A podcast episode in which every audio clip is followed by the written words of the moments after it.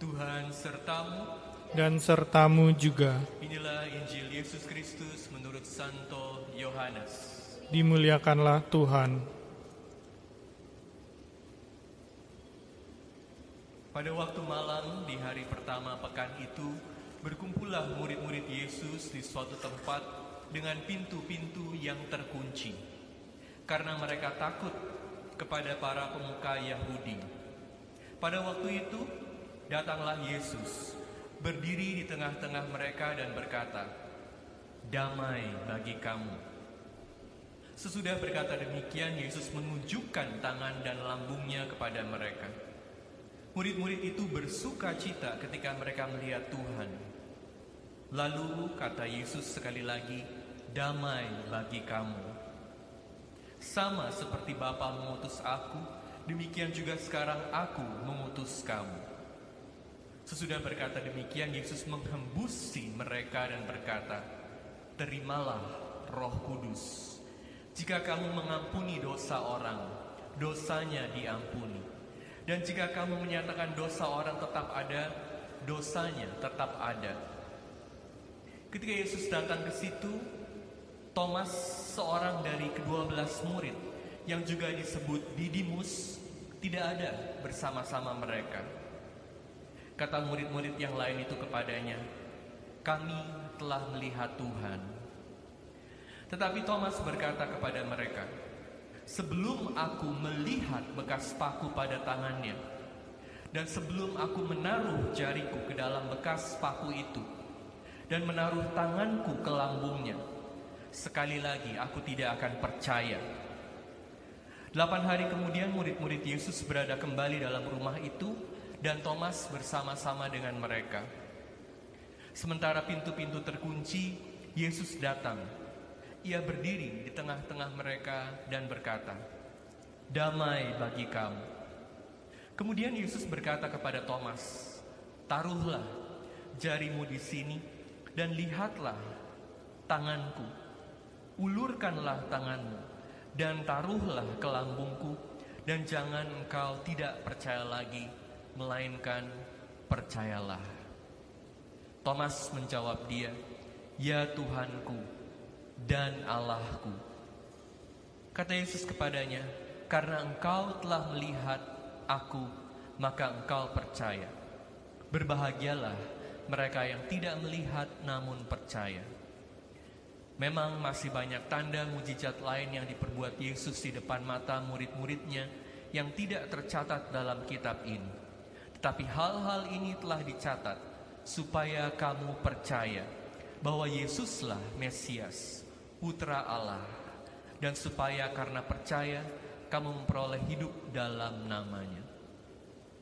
Berbahagialah orang yang mendengarkan sabda Tuhan dan tekun melaksanakannya. Sabdamu adalah jalan, kebenaran dan hidup kami. Demikianlah Injil Tuhan. Terpujilah Kristus. Saudara-saudari sekalian terkasih dalam Kristus, hari Minggu Paskah yang kedua ini kita merayakan hari Minggu Kerahiman Ilahi. Dan di saat kita merayakan hari Minggu Kerahiman Ilahi ini, hari ini kita mendengarkan Injil yang sangat indah, yang saya yakin Anda sekalian sudah ingat karena ini cerita yang sangat berkesan mengenai Thomas yang tidak percaya bahwa Yesus sudah bangkit. Saya mau mengajak Anda untuk merenungkan Injil ini lebih dalam lagi.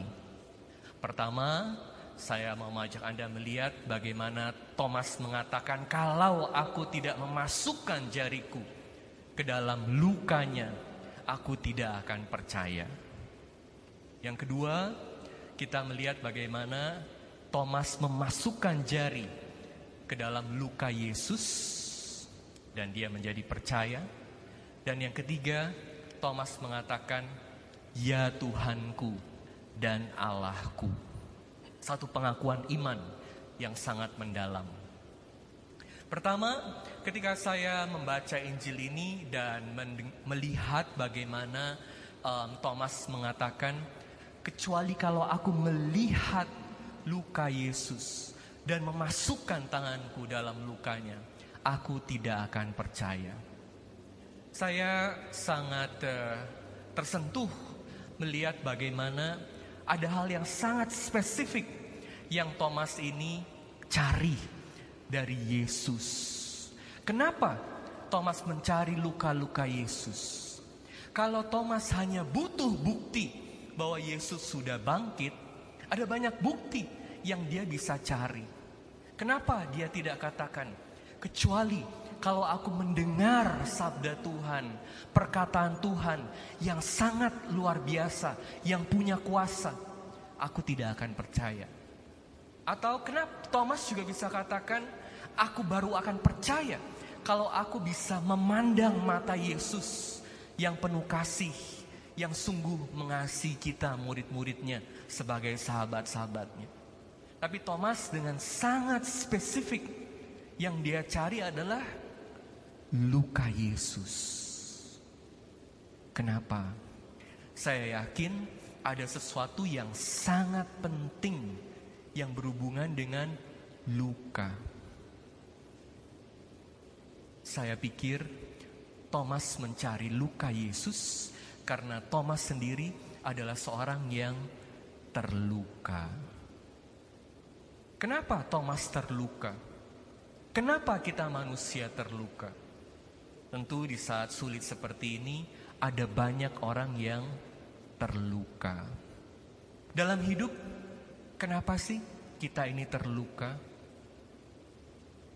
Ada dua hal yang bisa membuat kita jadi terluka.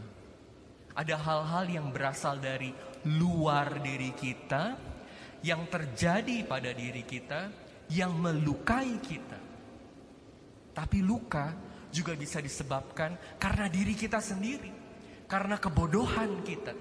Kita membuat diri kita jadi terluka. Kalau luka badan, luka fisik, ini gampang, langsung kelihatan. Tapi yang paling susah adalah luka batin. Kalau jiwa kita terluka, spirit kita terluka. Ini sering kali meninggalkan satu luka yang sangat dalam dan gak gampang sembuh. Ada luka-luka yang disebabkan karena orang lain melukai kita. Mungkin kita tumbuh di satu keluarga yang broken home. Papa mama selalu berantem dan kita gak pernah bisa merasa aman di rumah. Orang tua kita melukai kita. Mungkin waktu kita tumbuh besar, kita dibully oleh teman-teman teman-teman melukai kita. Mungkin saat kita sedang bangun usaha, tiba-tiba ada resesi ekonomi. Resesi ini membuat usaha kita hancur. Dan kehancuran usaha ini juga berpengaruh pada banyak hal dalam hidup kita. Situasi di sekitar kita membuat kita jadi terluka. Ini luka-luka yang disebabkan ada, ada dari hal-hal luar Thomas juga terluka. Karena apa? Kita tahu para murid ini mengikuti Yesus karena mereka punya impian yang sangat tinggi. Mereka mau Yesus menjadi sang penyelamat dalam hidup mereka. Demikian juga Thomas. Dia punya pengharapan yang sangat besar pada Yesus. Tapi harapan itu hancur, terserak karena Yesus wafat di salib luka Yesus menjadi satu hal yang menghancurkan impiannya. Dan itu menimbulkan luka yang sangat mendalam buat Thomas. Oleh karena itu, melihat luka Yesus menjadi satu hal yang sangat penting.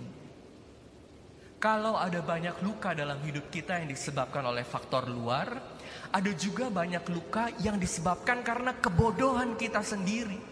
Dan ini yang lebih sulit. Karena ketika kita membuat luka dalam diri kita, kita ini selalu dihantui oleh luka itu dan luka itu terus mengikuti kita. Seringkali ini membuat kita jadi sulit menerima diri kita sendiri. Kalau hari ini kita mendengar bagaimana Thomas mencari luka Yesus. Itu karena Thomas walaupun dia mengikuti Yesus ini sebagai seorang Mesias, Yesus juga adalah sahabatnya yang mencuci kakinya, yang mengatakan kamu adalah sahabatku. Mereka hidup bersama sebagai sahabat. Oleh karena itu, Anda bisa bayangkan kalau di saat Yesus disalib, Yesus dipaku, Yesus memanggul salib dan dicambuk, Yesus wafat di salib. Thomas tidak ada di bawah kaki Yesus. Di mana Thomas? Di mana murid-murid lain? Mereka ketakutan yang ada di kaki Yesus itu hanya Yohanes, murid yang paling dikasih. Di mana yang lain? Mereka melihat dari jauh. Mereka lihat dengan penuh ketakutan. Kenapa sih saat itu aku nggak bisa lakukan sesuatu buat Yesus? Kenapa saat itu aku nggak berani ada dekat Yesus? Kenapa aku nggak protes saat itu? Kenapa saat itu minimal aku nggak temenin Yesus? Ada banyak hal yang mengganggu pikiran Thomas. Dan setiap kali dia mengingat luka Yesus, luka itu menghantui dia. Oleh karena itu, luka ini menjadi sangat penting. Kenapa saat itu aku tidak berada bersama Yesus? Ini ada satu kebodohan yang aku lakukan Aku kecewa dengan diriku sendiri. Aku bisa jadi lebih baik. Yudas nggak tanggung-tanggung bunuh diri. Ini adalah luka yang disebabkan karena kebodohan kita sendiri dan sering kali menghantui kita. Tapi syukur kepada Tuhan bahwa ketika Yesus bangkit, Yesus menampakkan dirinya kepada murid-murid. Apa yang dia lakukan? Hal pertama yang dia katakan kepada para murid adalah damai besertamu. Dan Yesus menunjukkan lukanya. Seolah-olah Yesus mau katakan kepada kita semua, kepada para muridnya dan semua dari kita, setiap orang. Terutama orang-orang yang hidup dengan luka, yang terluka. Jangan malu dengan luka kamu. Luka adalah satu hal yang kita punya bersama. Kamu terluka, saya pun terluka. Kamu punya luka, aku pun punya luka. Dan kalau Yesus adalah wajah Allah yang mau ditampilkan kepada kita semua, yang mau diperkenalkan kepada kita semua. Yesus yang bangkit bukan bangkit dengan tanpa luka. Itu artinya Luka itu punya tempat di hati Allah. Yesus adalah Allah yang terluka. Luka Yesus menjadi piala yang membedakan Yesus. Dengan luka-lukanya, Yesus menebus kita semua. Oleh karena itu, Yesus mau supaya Yudas menyentuh lukanya. Dengan menyentuh luka Yesus, Yudas menyatukan semua luka itu dengan Thomas. Dengan menyentuh luka Yesus, Thomas menyatukan luka Yesus luka-lukanya dengan luka Yesus sendiri.